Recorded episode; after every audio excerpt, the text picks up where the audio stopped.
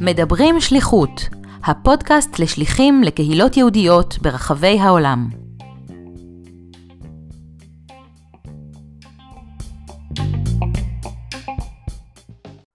שלום למאזינים, כאן דוקטור אסי אהרונוב. בפודקאסט מדברים שליחות, אנו שמחים לראיין שליחות ושליחים ששימשו בקהילות יהודיות ברחבי העולם. באמצעות הראיונות אנו שומעים מהם על החוויות, האתגרים והפעילויות המיוחדות שיזמו. השליחים משתפים גם בטיפים חשובים על סמך ניסיונם. לא פחות חשוב לשמוע אילו מיומנויות הם רכשו בשליחות ופרספקטיבות חדשות עימן הם מוחזרים ארצה. בחודשים האחרונים אנו גם מראיינים שליחים שפעלו או שעדיין פועלים בתקופת הקורונה. בראיונות אלו תוכלו לשמוע כיצד השליחים המציאו את עצמם מחדש. כמי שהיה מעורב בתחום השליחות מזוויות שונות, אני מקווה שגם אתם, כמוני, תמצאו עניין רב במה שיש לשליחים לספר. בפרק הנוכחי אנו שמחים לראיין את טל דרור. טל שימשה כשליחה לקהילה היהודית בסנט פול מינסוטה, ארצות הברית, בין השנים 2017 ל-2019. כשהדריכה קבוצת תגלית בתקופת הצבא, טל הסתקרנה כשראתה בנות שהשתתפו בתוכנית שהוציאו כיפה וטלית בכותל. היא החליטה לצאת למחנה קיץ בארצות הברית, ובעקבותיו לשליחות ארוכה. לקהילה היהודית בסנט פול יש שותפות עם אזור סובב כנרת, האזור ממנו מגיעה טל. טל משתפת ביתרונות ובייחודיות של השליחות כמי שהגיע מאזור השותפות. היא גם מספרת כיצד הפכה את אירוע יום הזיכרון לאירוע משמעותי בקהילה, ועל ההתמודדות מול תנועת If Not Now, אשר הופיעה באירועים יהודיים והטיפה לפעולות נגד ישראל. טל גם מצאה את בן זוגה בקהילה, שחי איתה כיום בישראל. אודה אם תאזינו עד סוף הפרק, בו אני מעלה בקשה אישית. טל שלום, תודה רבה שאת מצטרפת אלינו לפודקאסט מדברים שליחות. היית אה, בסיינט פול, מינסוטה, ארצות הברית, למשך אה, שנתיים בין 2017 ל-2019, כשליחה קהילתית, אה, ו... ועבדת תחת הפדרציה היהודית המקומית. אני, אני אשמח אם תספרי קצת רקע על עצמך, מה, מה הוביל אותך לצאת לשליחות שם. תודה אסי, אז אני באמת מאוד שמחה להיות פה ושמחה על ההזדמנות לשתף. אז ככה, אז במהלך השירות הצבאי שלי הייתי מש"קית חינוך ועבדתי המון uh, סביב הדרכות ועבדתי עם חיילים ושירתתי uh, בגדוד 636 בתור מש"קית חינוך של איסוף קרבי וככה באמת נחשפתי לכל סוגי החיילים והמון הדרכות. במסגרת השירות שלי גם יצאתי לתגלית אה, וכשיצאתי לתגלית זאת הייתה הפעם הראשונה שנחשפתי ליהודים אה, מקנדה, אה, והם קצת סיפרו לי ככה על החיים היהודים שלהם בתפוצות. זה היה נשמע כמו משהו מאוד לא מוכר ומשהו מאוד חדש וגם מאוד מעניין. זאת אומרת, במסגרת. השירות הצבאי בעצם ציוותו אותך לקבוצת תגלית. כן, כן, והיה מעניין, העברתי איתם ככה שבוע ואני ממש זוכרת אה, נקודת מפנה שהגענו ככה לכותל אה, ופתאום הבנות הוציאו אה, כיפה וטלית וככה לא, לא כל כך הבנתי מה מדובר וזה עניין אותי. ולכן אחרי השירות הצבאי שלי יצאתי לשליחות מחנה קיץ בקליבלנד, אוהיו, דרך הסוכנות היהודית והדרכתי רכיבה על סוסים. אני רוכבת כבר 15 שנה בערך אה, והייתי שם בקיץ במשך שלושה חודשים אה, עם ילדים מכל הגילאים, היינו כמה חבר'ה ישראלים, היה קיץ מאוד מהנה, מאוד מעניין, למדתי המון על אה, קהילה יהודית, ואחרי הטיול הזה המשכתי, ואחרי המחנה המשכתי לשמונה חודשים בדרום אמריקה, ואחרי שחזרתי משהו בער בי ככה להמשיך. וככה התעניינתי ורציתי לדעת מה אפשר לעשות יותר, אה, ויצאתי לשליחות הארוכה של הסוכנות היהודית, אה, בידיעה שאני באמת אוכל לעשות יותר וגם ללמוד יותר על הקהילה היהודית, והגעתי לסנט פול מיניסוטה בארצות הברית, אה, ומשם הסיפור שלי רק התחיל. אז, אז זהו, לך, החיבור עם סנט פול זה, זה בזכות שותפות, נכון? של של האזור בארץ, יחד עם הקהילה שם. את, את יכולה לספר על, על החיבור הזה? כן, אז גדלתי בכפר תבור, שנמצא באזור סובב כנרת, ממש רבע שעה נסיעה מאגם הכנרת, ולכל עיר בארצות הברית, לכל, לכל אזור, יש בעצם עיר שותפה בישראל. והעיר השותפה של סובב כנרת היא סנט פול, בין היתר גם מדיסון וגם מילווקי. Mm-hmm. וככה, באמת כשהתחלתי להתמיין, אז סיפרו לי שאני יכולה לצאת דרך השותפות, ומה יכול להיות יותר טוב מלהגיע לארצות הברית אה, ולדבר על הבית שלי ועל הדברים שאני מכירה הכי טוב, שזה בעצם המקום שבו גדלתי. אז ככה מיד אמרתי לא שאני... ש... זה לא שהשליח צריך להגיע דווקא משם, אבל uh, יש עדיפות לזה. לא, לאו דווקא. השליחות אה, כבר קיימת מעל 12 שנה, ובמהלך ה-12 שנים האלו לא כל השליחים היו מאזור סובב כנרת. השליחה כן. שאני החלפתי לצורך העניין הייתה מהוד השרון. אבל uh, בדרך כלל הם מאוד אוהבים שמגיעים אליהם שליחים, שגם uh, ככה מכירים את האזור שאיתו הם שותפים. אז, אז איך, איך באמת היה החיבור, המפגש הראשוני, עוד לפני שיצאת עם, עם אנשי הקהילה? Um, אז זה היה, um, היה לי רעיון עם uh, אנשי הקהילה, הם הגיעו לכאן לתל אביב, אה, וככה דיברנו ו, וסיפרתי להם על עצמי, ובאמת הם אה, הכירו המון המון מקומות, אה, הם הכירו את הבית ספר שבו למדתי, הם הכירו פינות יער שאפשר לטייל בהן באזור, הם הכירו את יער בית קשת והם הכירו את, את, את הר ארבל, שזה מקומות שבדרך כלל אמריקאי בארצ, אמר, אמריקאים בארצות הברית פחות מכירים. כן. וככה זה באמת היה לי כיף לראות שהם ממש מכירים את האזור שממנו אני מגיעה.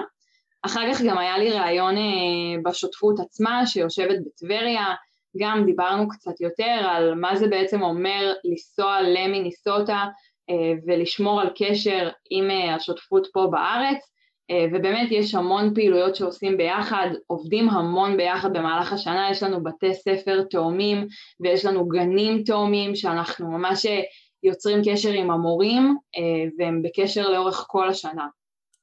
אז, אז בואי נדבר על, על השליחות עצמה, אה, את, אה, את מגיעה לקהילה שמה, את יכולה לתאר קצת אה, את הקהילה, זה לא, מה, לא מהיעדים הבולטים, נכון? בארצות הברית או בצפון אמריקה? אמ, אז זה באמת לא, לא מהמקומות המוכרים יותר, זה בין המקומות הקרים יותר, חשוב לציין. בחורף... יותר בצפון ארצות הברית, נכון? כן, אה, בחורף המעלות מגיעות גם למינוס 51, אה, וממש קר שם. Mm. אה, המון שלג בכמויות חורף למשך חצי שנה בערך. אבל עם זאת, למרות שקר מאוד בחוץ, אני חייבת לומר שהקהילה חמה מאוד מבפנים. מהרגע הראשון שהגעתי, לא נתנו לי רגע אחד להיות לבד, ואני אומרת את זה בקטע טוב. תמיד דאגו לי, תמיד שאלו אותי אם אני צריכה משהו, תמיד אה, כל שישי, כל חג, תמיד הייתי צריכה לבחור לאן ללכת, כי הייתי מקבלת כל כך הרבה הזמנות. Uh, האימהות האמריקאיות שלי, שאני בקשר איתן עד היום, תמיד היו לוקחות אותי לקניון, והיו לוקחות אותי לראות uh, מופעים, ו- ואם היה איזה אירוע, אז, אז תמיד הם דאגו שאני אדע עליו ושאני גם אגיע.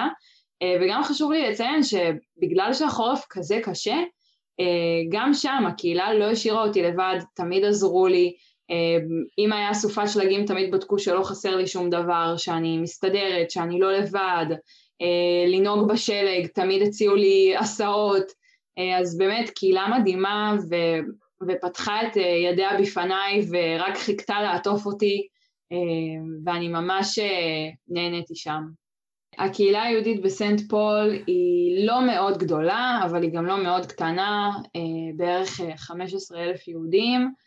אה, הקהילה ממש ממורכזת באותו אזור שנקרא היילנד פארק, ובאזור הזה יש בערך ארבעה בתי כנסת, גם רפורמים, גם קונסרבטיביים, אה, יש בית ספר יהודי שנקרא תלמוד תורה, שהוא פועל גם כבית ספר יומי אה, וגם כבית ספר של אחר הצהריים, שפעמיים בשבוע ילדים יכולים להגיע אליו ממסגרות אה, ולעבור שיעורים בנושא יהדות וכל מה שקשור לישראל. יש גם כמובן את ה-JCC, את המרכז הקהילתי, יש גם את JFS, שזה שירותי הרווחה של הקהילה היהודית, ויש בית אבות יהודי, שכל הסטייל שלו, מה שנקרא, הוא יהודי לגמרי, מוגש שם אוכל כשר, יש שיעורים בעברית, משמיעים שם מוזיקה בעברית, וגם יש לו את הצביון היהודי שלו. ברחבי הקהילה יש גם סופרים כשרים, יש גם חנות שנקראת The Kosher Spot שהיא ממש מביאה דברים מישראל, במהלך החורף אפשר למצוא שם קרמבו, אפשר למצוא שם גלידות מישראל, מלא מלא דברים, mm-hmm. וזהו. זה לא נמצא בקרבת קהילה יהודית גדולה יותר. זה כן, אז סנט פול, סנט פול צמודה למיניאפוליס, למרות שסנט פול זאת העיר בירה של מיניסוטה, כי בין סנט פול למיניאפוליס עובר נהר המיסיסיפי, ממש כמו, אפשר להגיד ממש כמו שרמת גן ותל אביב קרובות, אז ככה סנט פול ומיניאפוליס, ומיניאפוליס פועלת כעיר בפני עצמה, יש לה גם קהילה יהודית משל עצמה ומוסדות יהודיים בפני עצמם, אין להם שליח, מאחר ועובד שם מרכז ישראלי ברשות ישראלית מקומית, ישראלית לשעבר שגרה שם כבר המון שנים, וגם חשוב לי לציין שגם איתה אנחנו, הייתי עובדת המון ביחד, תמיד באירועים יותר גדולים כמו יום העצמאות, יום הזיכרון, יום השואה, בדרך כלל סנט פול ומיניאפוליס עושות דברים ביחד, וכמובן שזה תמיד בתיאום של שתי הפדרציות. וזהו, אני באופן אישי הייתי יושבת במשרד של הפדרציה, שככה היה מרכז את כל המוסדות ביחד, והשבוע שלי פשוט היה מורכב מזה שכל יום אני מבלה במקום אחר, כל יום הייתי בבית כנסת אחר, פעם הייתי בבית האבות היהודי, פעם אחת הייתי בשירותי הרווחה, פעמיים בשבוע בערך הייתי בבית הספר, וככה היה נראה השבוע שלי. אז זהו, את יכולה באמת לתאר שגרת עבודה, איך, איך נראה היום שלך? אז היום שלי, כל יום היה נראה משהו אחר. הייתי בדרך כלל עובדת מראשון עד חמישי, כשביום ראשון הייתי מבלה ב Sunday school באחד מבתי הכנסת. היה ימי ראשון שגם הייתי עוברת בין כל הבתי ספר של ה Sunday school, כמו שאמרתי, יש ארבעה בתי כנסת. ובימי שני הייתי מלמדת בבית הספר היהודי, ולאחר מכן הייתי מתנדבת בשירותי הרווחה היהודיים. ימי שלישי זה בדרך כלל היה יום שמוקדש למשרד, ככה לעשות ככה כמה עבודות במשרד, לארגן את, את מערכי ההדרכה, להיפגש עם אנשים, הייתי גם אחראית על קבוצה של יאנג אדולטס, אז ככה זה גם היה יום שמוקדש לזה. בימי רביעי הייתי מבלה גם בבתי הכנסת, מעבירה שיעורים בעברית, מעבירה כל מיני תכנים שקשורים לישראל, ויום חמישי היה יום שמוקדש ל-JCC, משיעור עברית ב men's club עד, עד לשיעורים ומשחקים עם ילדי הגן, ומאוד מאוד נהניתי. היו בשבתות בדרך כלל הייתי הולכת גם לבתי הכנסת, בין אם הייתי משתתפת במהלך התפילה, לפתוח את, את ארון התפילה, או להחזיק ספר תורה, או לשאת דבר תורה, לבין זה שהייתי לפעמים קהל, והייתי מאוד נהנית. אז את יכולה לספר אולי כמה היילייטים, שהם נקודות מיוחדות ש... שהיו לך במהלך השליחות? וואו, זאת שאלה טובה, כי היו כל כך הרבה. אני אתחיל ואגיד שהקהילה היא קהילה מקסימה, אבל כשהגעתי לקהילה אז באמת היה אתגר שחשפה אותי אליו השליחה הקודמת שהחלפתי, והוא היה שיום הזיכרון לא מוטמע מספיק בקרב הקהילה. זאת אומרת, הם כן חוגגים את יום העצמאות והם שמחים עבור יום הולדתה של ישראל, אבל לא מציינים כל כך את יום הזיכרון, זה מסתכם באיזשהו אירוע מאוד מאוד סמלי, קטן אם בכלל, והיה לי מאוד חשוב לשים על זה את הדגש, מאחר וגם אצלנו בישראל זה אי אפשר לחגוג את יום העצמאות מבלי שמציינים את יום הזיכרון, וגם כי איבדתי חבר קרוב במבצע צוק איתן היה מתגורר בשותפות, בשדמות דבורה, שמו נדב ריימונד, זיכרונו לברכה, וכשהגעתי החלטתי לשים את הדגש על יום הזיכרון דרכו, דרך אירוע הנצחה שיוקדש לזכרו, ויזמתי תערוכה של מעל ל-20 ציורים שציירה הציירת שירלי רז, של נופלי צוק איתן, וממש חודש לפני יום הזיכרון התערוכה הזאת התארחה ברחבי הקהילה, בבתי הכנסת, ב-JCC, בבית הספר, וככה הזמנתי אנשים לבוא ולהשתתף ביום הזיכרון, ומאירוע שבקושי היה או שלא היו כמעט מגיעים אליו אנשים, באירוע, לאירוע בשנה הראשונה הגיעו מעל 100 איש, ובשנה השנייה שלי הגיעו מעל 150 איש, והיה לי מאוד חשוב להעביר את המסר שאי אפשר לחגוג את יום העצמאות מבלי שמציינים את יום הזיכרון, יש לנו חיילים שנתנו את החיים שלהם למדינה, ביניהם גם חיילים מהשותפות שלנו, הרי תמיד חשוב לנו מאוד הקשר עם השותפות, ולכן זה ככה היה משהו שמאוד חשוב לי.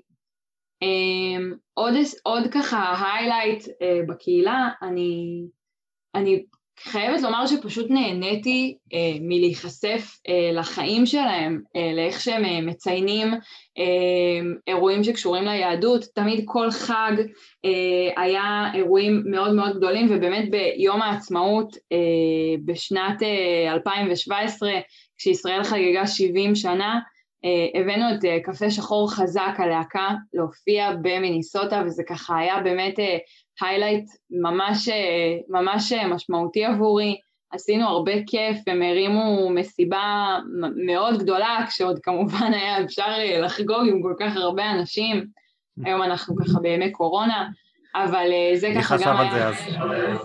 כן, היה highlight גדול, היה לנו מעל שלושת אלפים איש שהגיעו, והיה אירוע מטורף. highlight גדול, משמעותי נוסף שאני יכולה לציין, אמ, זה האמת מתפצל לשני, לשניים, לשני אירועים. הראשון הוא שביום הזיכרון הראשון וגם ביום הזיכרון השני הבאנו אה, מוזיקאים אה, מהשותפות שלנו בסובב כנרת. אה, בשנה הראשונה הם הגיעו שבוע לפני יום הזיכרון, הסתובבו ברחבי הקהילה ולאחר מכן הם, הם הופיעו ביום הזיכרון וזה היה מאוד משמעותי שהם הגיעו וגם בשנה השנייה. אה, אני חושבת שזה נתן ערך מוסף לקהילה גם אה, לשמוע סיפורים מעוד ישראלים שמגיעים מאזור השותפות וגם אה, יש איזושהי הרגשה, הייתה הרגשה מאוד מיוחדת שהם השתתפו בטקס יום הזיכרון כל כך רחוק מישראל.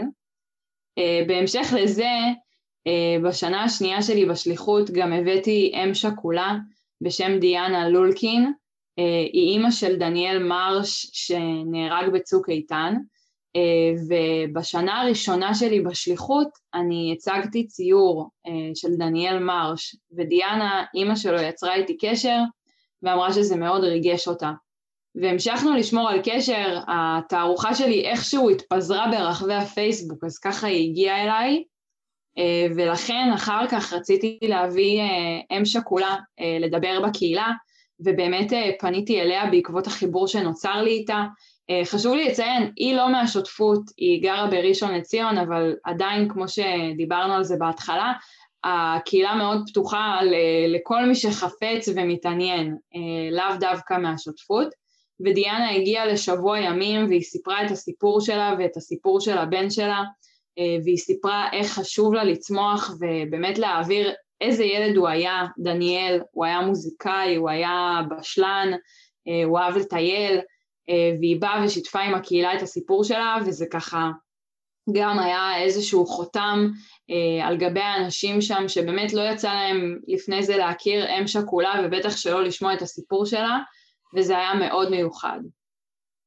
בהחלט זה, זה, זה נשמע ש, שהצלחת אה, ככה באמת להכניס לקהילה אלמנטים שלא לא, לא, לא ציינו כל כך אה, לפני כן. את, את מזכירה אה, הרבה את הנושא של, של השותפות, זה נשמע ש, שבקהילה שם, בפדרציה, השותפות מקבלת, אני לא יודע, אולי זה רק התרשמות שלי, אבל מקבלת בולטות יותר גבוהה מאשר ב... ביעדים אחרים, אני לפחות לא, לא זוכר ש, שהשותפות אה, אה, עם האזורים בארץ אה, כל כך הודגשה, אז יכול להיות ששם יש איזה, איזשהו קשר מיוחד עם, ה, עם השותפות בארץ, או, או כן. יותר דגש על הנושא הזה? חד משמעית כן, כמו שאמרתי הקהילה, ב... השליחות במיניסוטה כבר פועלת למעלה מ-12 שנים והקשר עם השותפות תמיד היה מאוד מאוד חזק. אה, מדובר פשוט בהמון אנשים טובים שיש להם רצון טוב אה, ואנחנו יוזמים שם פרויקטים מדהימים לאורך כל השנים. אה, אני חושבת שבשנה שעברה אחד הפרויקטים ששמעתי עליו זה חילופי קייטנות, ממש בקיץ לעשות חילופים של קייטנות של ילדים, כי גם שם פועלים מחנות קיץ, קצת שונה מהקייטנות שאנחנו מכירים כאן בישראל, אה, אבל אה, אחד הרעיונות שהשותפות למשל יזמה ביחד אה, זה לעשות חילופי קייטנות.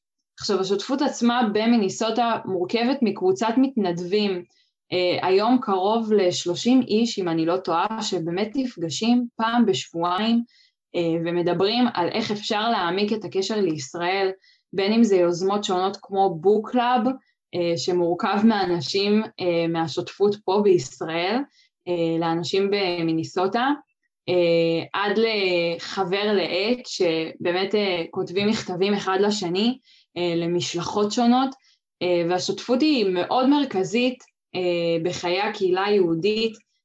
אני חושבת שזה דווקא יוצר את הקשר האישי שיש לאנשים בקהילה לישראל, כי סביר להניח שכשהם יגיעו לישראל, אז נכון, הם ילכו לראות את המקומות התיירותיים, הם ילכו לים המלח, הם ילכו לירושלים, לתל אביב, אה, אבל יהיה להם גם את הערך המוסף, שיהיה להם איזשהו חבר, איזה מכר, מישהו שהם מכירים, ובמקרה הבן אדם הזה לא יישב במקום הכי, הכי מרכזי בישראל, הוא דווקא יישב בטבריה, בכפר תבור, אה, בשדמות דבורה, ולשם אותו אמריקאי ממיניסוטה יגיע וישב וישתה קפה, וזה משנה לגמרי את החוויה שלו בארץ. אה, זאת אומרת, נבנו הרבה קשרים אישיים עם אנשים מה... מהאזור של, של סובב כנרת? בטח, היה לנו קבוצה של אה, מורים, של חילופי מורים, ששתי מורות כל כך, מורה מישראל ומורה ממיניסוטה, ושנה אחרי זה המורה הגיעה לבקר את הבת שלה בישראל, שעשתה עלייה, אה, ושאלתי אותה איפה היא נשארת, והיא אמרה לי, אני נשארת אצל המורה בטבריה, אני ישנה אצלה. וזה מדהים בעיניי שקשר כזה נרקם אה, וממשיך גם אה, מחוץ למסגרת העבודה, זה מקסים. אז העובדה שאת מגיעה מה, מאזור השותפות בטח היווה יתרון באמת, באמת גדול גם מבחינתם וגם גם, ל, גם ל, לקשר הזה עם, עם השותפות, ש, שאת מביאה ממש את, הפן האישי, וזה יצר אה, חיבורים נוספים, זאת אומרת, זה, זה מונף העובדה שאת, אה, שאת מגיעה מאזור השותפות, אה, מונף ל... לא יודע, לקידום פרויקטים נוספים, או לחיבור עם, עם אנשים, או חיזוק הקשר? כן, אני חושבת שבראש ובראשונה, עצם זה שאני מגיעה מהשותפות, אז אז אני מאוד רגישה גם לרעיונות שמעלים וליוזמות שעולות, כי, כי אני יודעת מול מי עובדים בישראל, ומאוד חשוב לי שזה יצליח, ותמיד גם ידעתי לתת את, ה, את הפן האישי שלי, אה, מההיכרות שלי. למשל, אה, הוצאנו משלחת של בני נוער, ורצינו לקחת אותם לבית ספר באזור השותפות. ובגלל שאני מגיעה מהשותפות, אמרתי להם, בואו נביא אותם לבית ספר שלי, איפה שלמדתי, כדורי, בית ספר חקלאי, איפה שיצחק רבין למד, אה, ופתאום הם אמרו לי, אה, לא ידענו שיצחק רבין למד שם, אה, לא ידענו שזה בית ספר חקלאי. וסביר להניח שאולי, אה, אני חלילה לא מזלזלת, כן, אבל סביר להניח שאולי שליחה אחרת שלא הייתה מהאזור, כן. אז אולי היא הייתה צריכה לחקור קצת כדי לגלות את הדברים האלו, ועצם זה שאני מגיעה מאזור השותפות וזה בעצם המקום בו גדלתי, אז יש לי ידע בתור מקומית. אה, וזה ככה משהו שלפי ההרגשה שלי ולפי דעתי מאוד תרם אה, כשתכננו תוכניות ודיברנו, ותמיד ידעתי להביא את האינפוט שלי שקשור ככה לשותפות. וגם להם תמיד היה חשוב מאוד לשמוע את הדעה שלי אם יש לי רעיונות ואם יש לי המלצות, וזה ככה באמת, זה באמת היה משהו מאוד, מאוד משמעותי, מאוד חיובי, ובאמת היה ניתן גם לראות חיבורים מאוד יפים בין אנשים שם שנרקמו בין אנשים ממיניסוטה לאנשים בשותפות פה בישראל.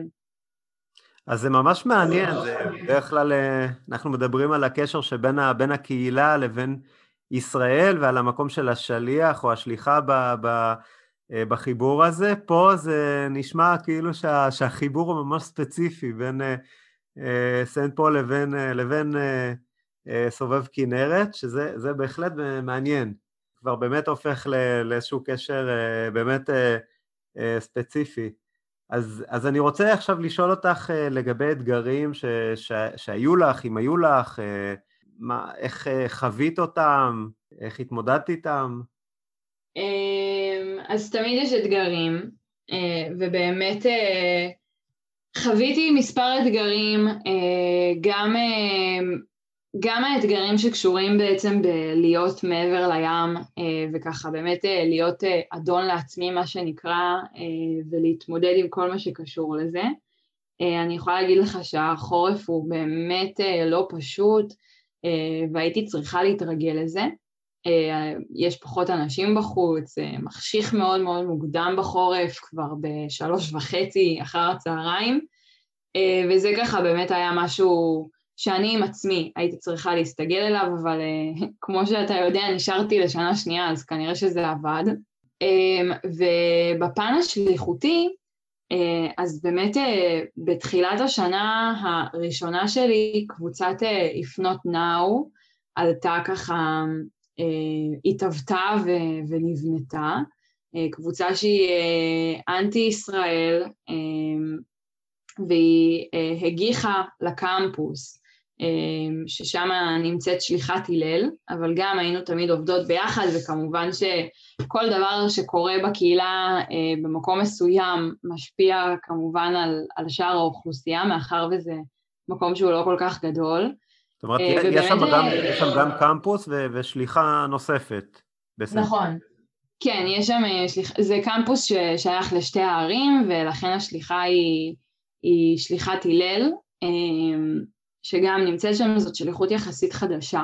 היא קיימת שם רק חמש שנים, והיא מתמודדת בכל מה שקשור לסטודנטים, אבל באמת אה, בשנה הראשונה שקבוצת לפנות נאו ככה הגיחה לעולם שלנו, זאת הייתה התמודדות אה, מאוד מאוד קשה, אה, בין אם הם היו מקיימים אירועים ומנסים גם להיכנס לבתי הכנסת כדי ליצור אירועים כגון למה לא לתרום כסף לישראל, או אה, למה אה, צריך אה, לא לטייל בישראל, או למה לא צריך לקנות דברים מישראל, וככה הם עשו יעד עם ה-BDS.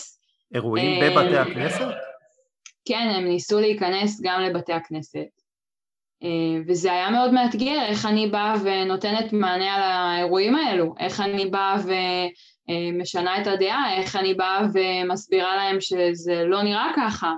אה, ובאמת אה, על כל אירוע שלהם היינו עושים אירוע תגובה, גם הייתי דואגת להגיע לאירועים שלהם כדי אה, לדבר וכדי להגיד שמה שמוצג לא מוצג בצורה, בצורה נאותה, ושהם קצת מוציאים את הדברים מהקשרם.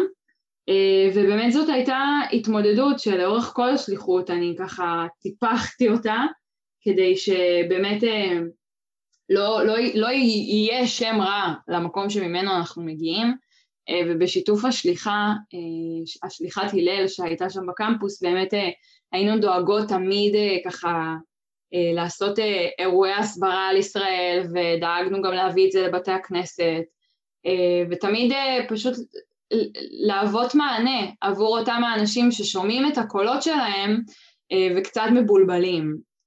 זאת קבוצה ששייכת ל-BDS או שזה... לא, זאת לא קבוצה ששייכת ל-BDS, הקבוצה שלה במהותה הם סטודנטים ישראלים, הם סטודנטים יהודים, סליחה, שבסך הכל הם אומרים שהם רוצים אה, את הטוב עבור ישראל, אבל הם פשוט מאמינים שהדרך שבה ישראל מתנהלת היא לא הדרך הנכונה ושישראל אה, בעצם פוגעת באנשים, אה, ולכן הם מציעים כל מיני אלטרנטיבות אחרות למיניהן.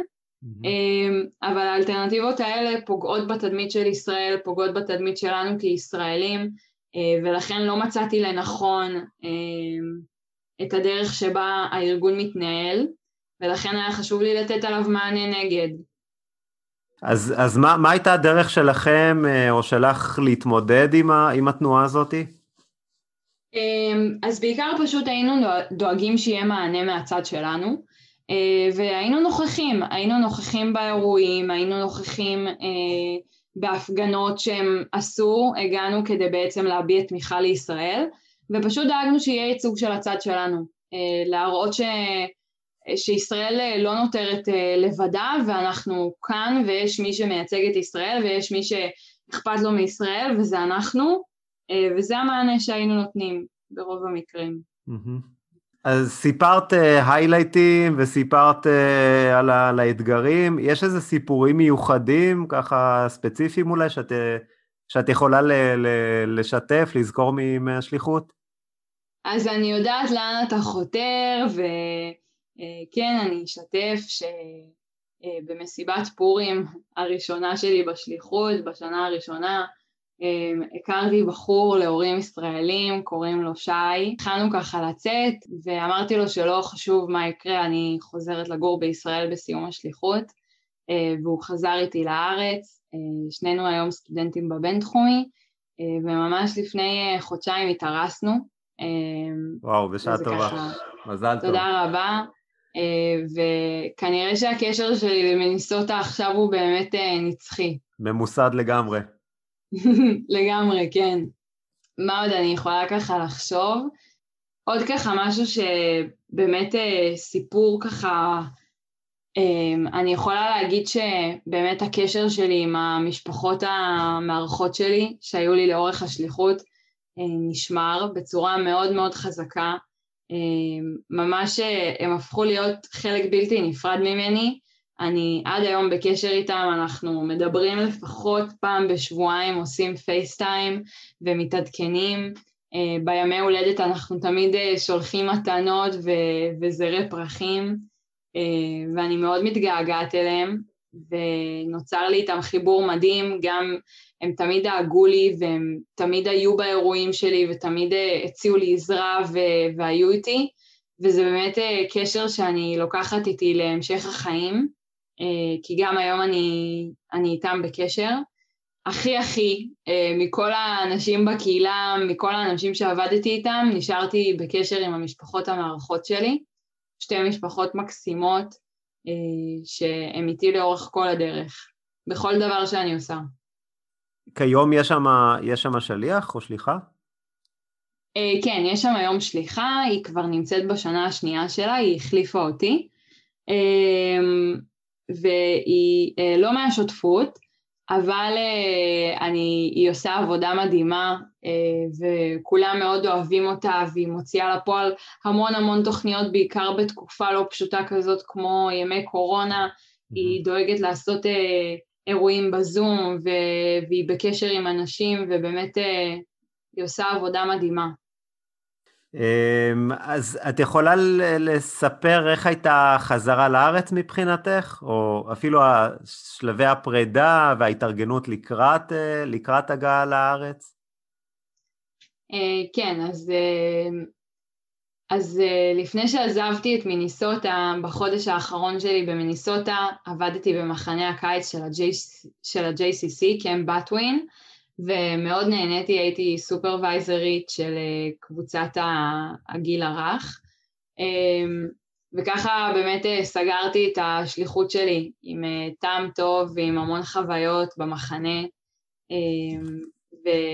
כל יום בחודש האחרון שלי בשליחות היה מורכב מלפחות אה, חמש ארוחות ביום, בבוקר הייתי פוגשת לקפה, אחר כך לארוחת בוקר, אחר כך לארוחת צהריים, לבראנץ', אה, לקפה ועוגה באחר הצהריים וארוחת ערב, אה, והייתי כל הזמן נפגשת עם אנשים בקהילה שרצו ככה לבלות איתי זמן אחרון לפני שאני עוזבת.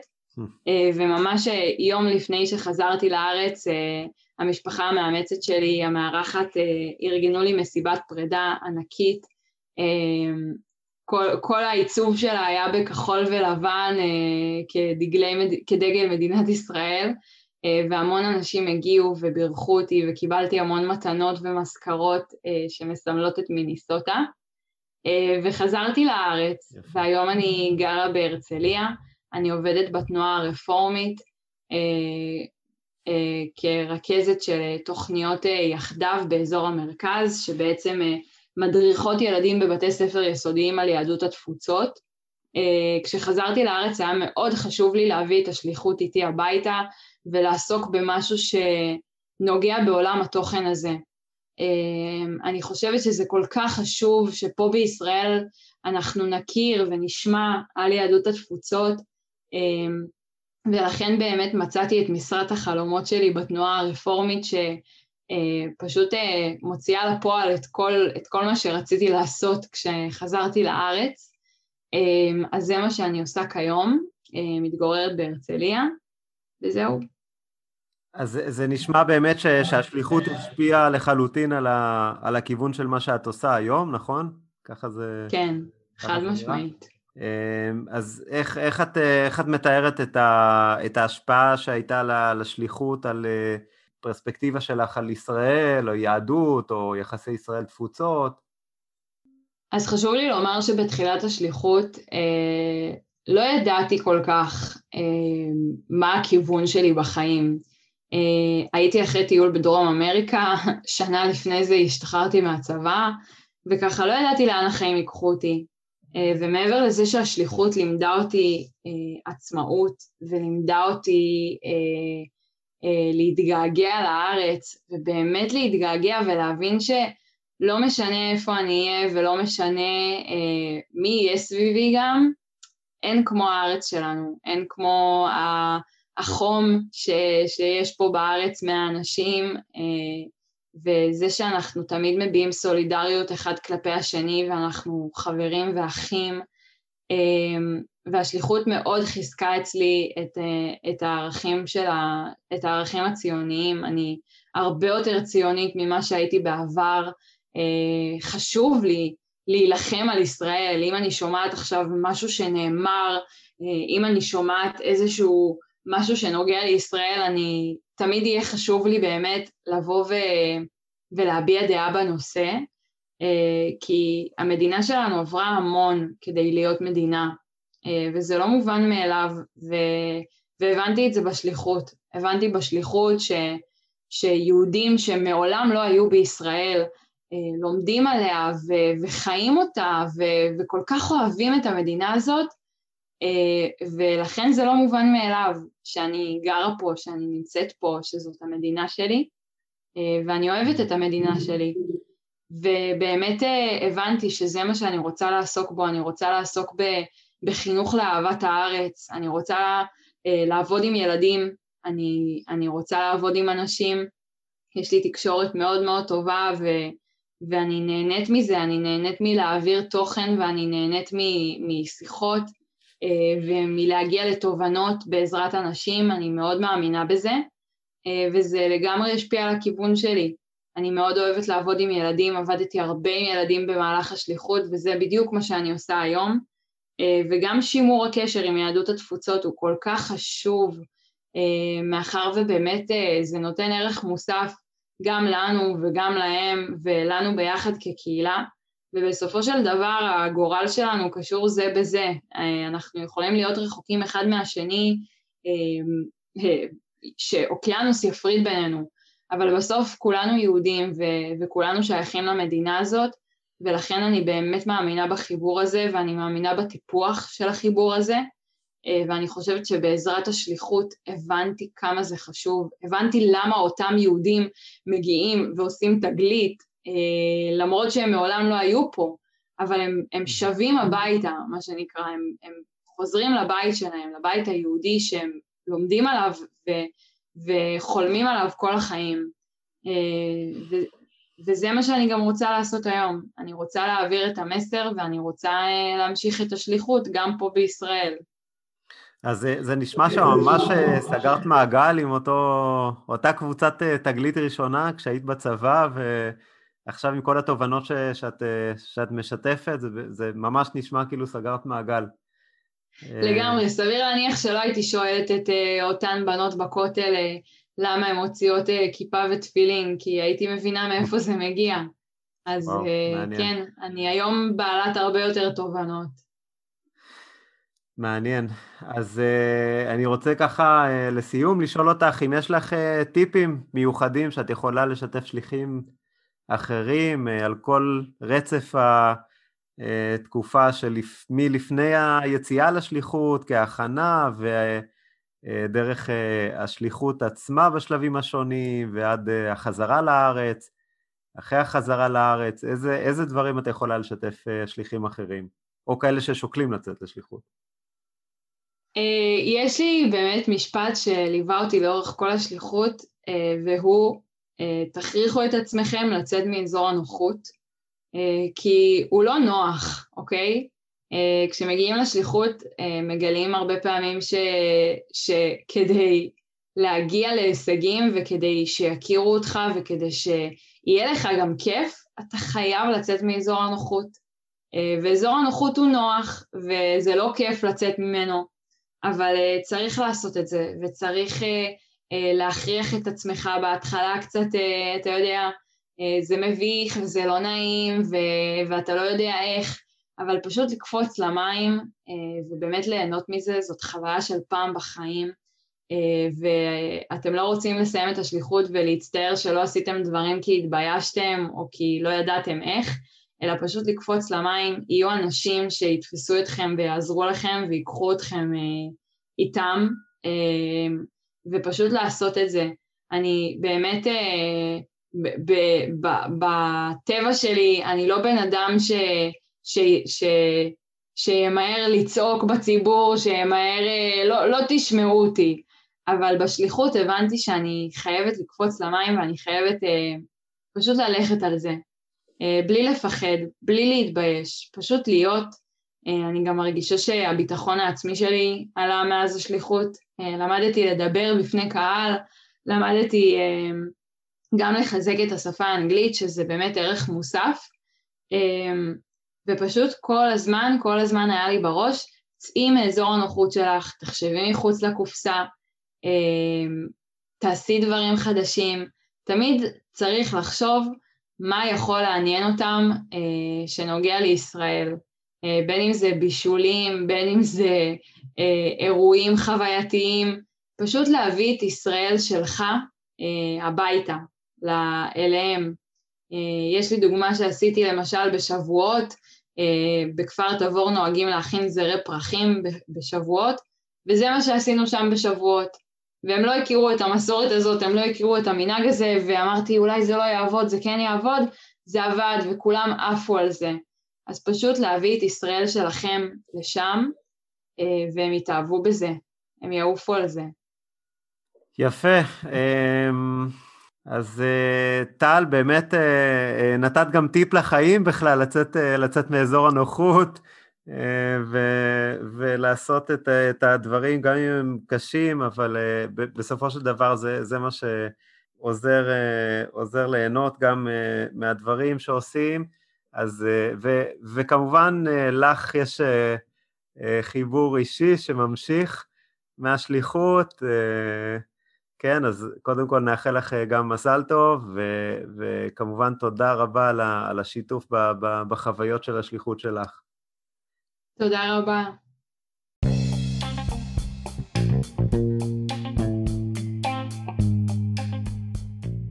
תודה שהאזנתם לפרק נוסף של מדברים שליחות. אני מקווה שנהניתם מהראיון שערכנו עם טל דרור. האם האזנתם לראיון הקודם שקיימנו עם דניאלה ונועם גליקסמן?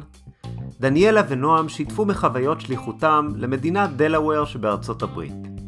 לראיון הזה ולראיונות שקיימנו עם שליחים נוספים, אני מזמין אתכם להאזין דרך אתר הפודקאסט מדברים שליחות, או באמצעות אפליקציות הפודקאסטים המרכזיות. תוכלו ללחוץ על מעקב כך שתקבלו עדכון על כל פרק חדש שיוצא. וכעת לבקשה האישית שציינתי בתחילת הפרק. הפודקאסט מדברים שליחות צמח על בסיס של יוזמה אישית ומתוך רצון לסייע לעולם השליחות במתן הבמה לעבודתם המשמעותית והחשובה של השליחים. עד היום הועלו מעל 70 פרקים של ראיונות קדושים בתוכן השיר על סמך מה שמספרים השליחים בעצמם. העלאת הפודקאסט באופן קבוע דורשת משאבים רבים. כדי להמשיך ולהרחיב את המיזם החשוב הזה, אני פונה למאזינים שמעוניינים לסייע בהפקת הפודקאסט ובהרחבתו לאפיקים נוספים. בנוסף לכך, אשמח לחיבורים מול גופים וארגונים שיוכלו לתמוך בפודקאסט או על מתן המלצות לגורמים כאלו. לפניות אליי בנושא זה או בכל נושא אחר הקשור לפודקאסט, תוכלו ליצור קשר באמצעות המייל מדברים שליחות כרוכית gmail.com או באמצעות צור קשר באתר הפודקאסט מדברים שליחות.com. כמובן אם נהניתם מהפרק או מפרקים אחרים, המחמאה הגדולה ביותר עבורנו תהיה שתשתפו אחרים ותיעדו אותם על הפודקאסט. תודה ולהשתמע בפרק הבא. thank you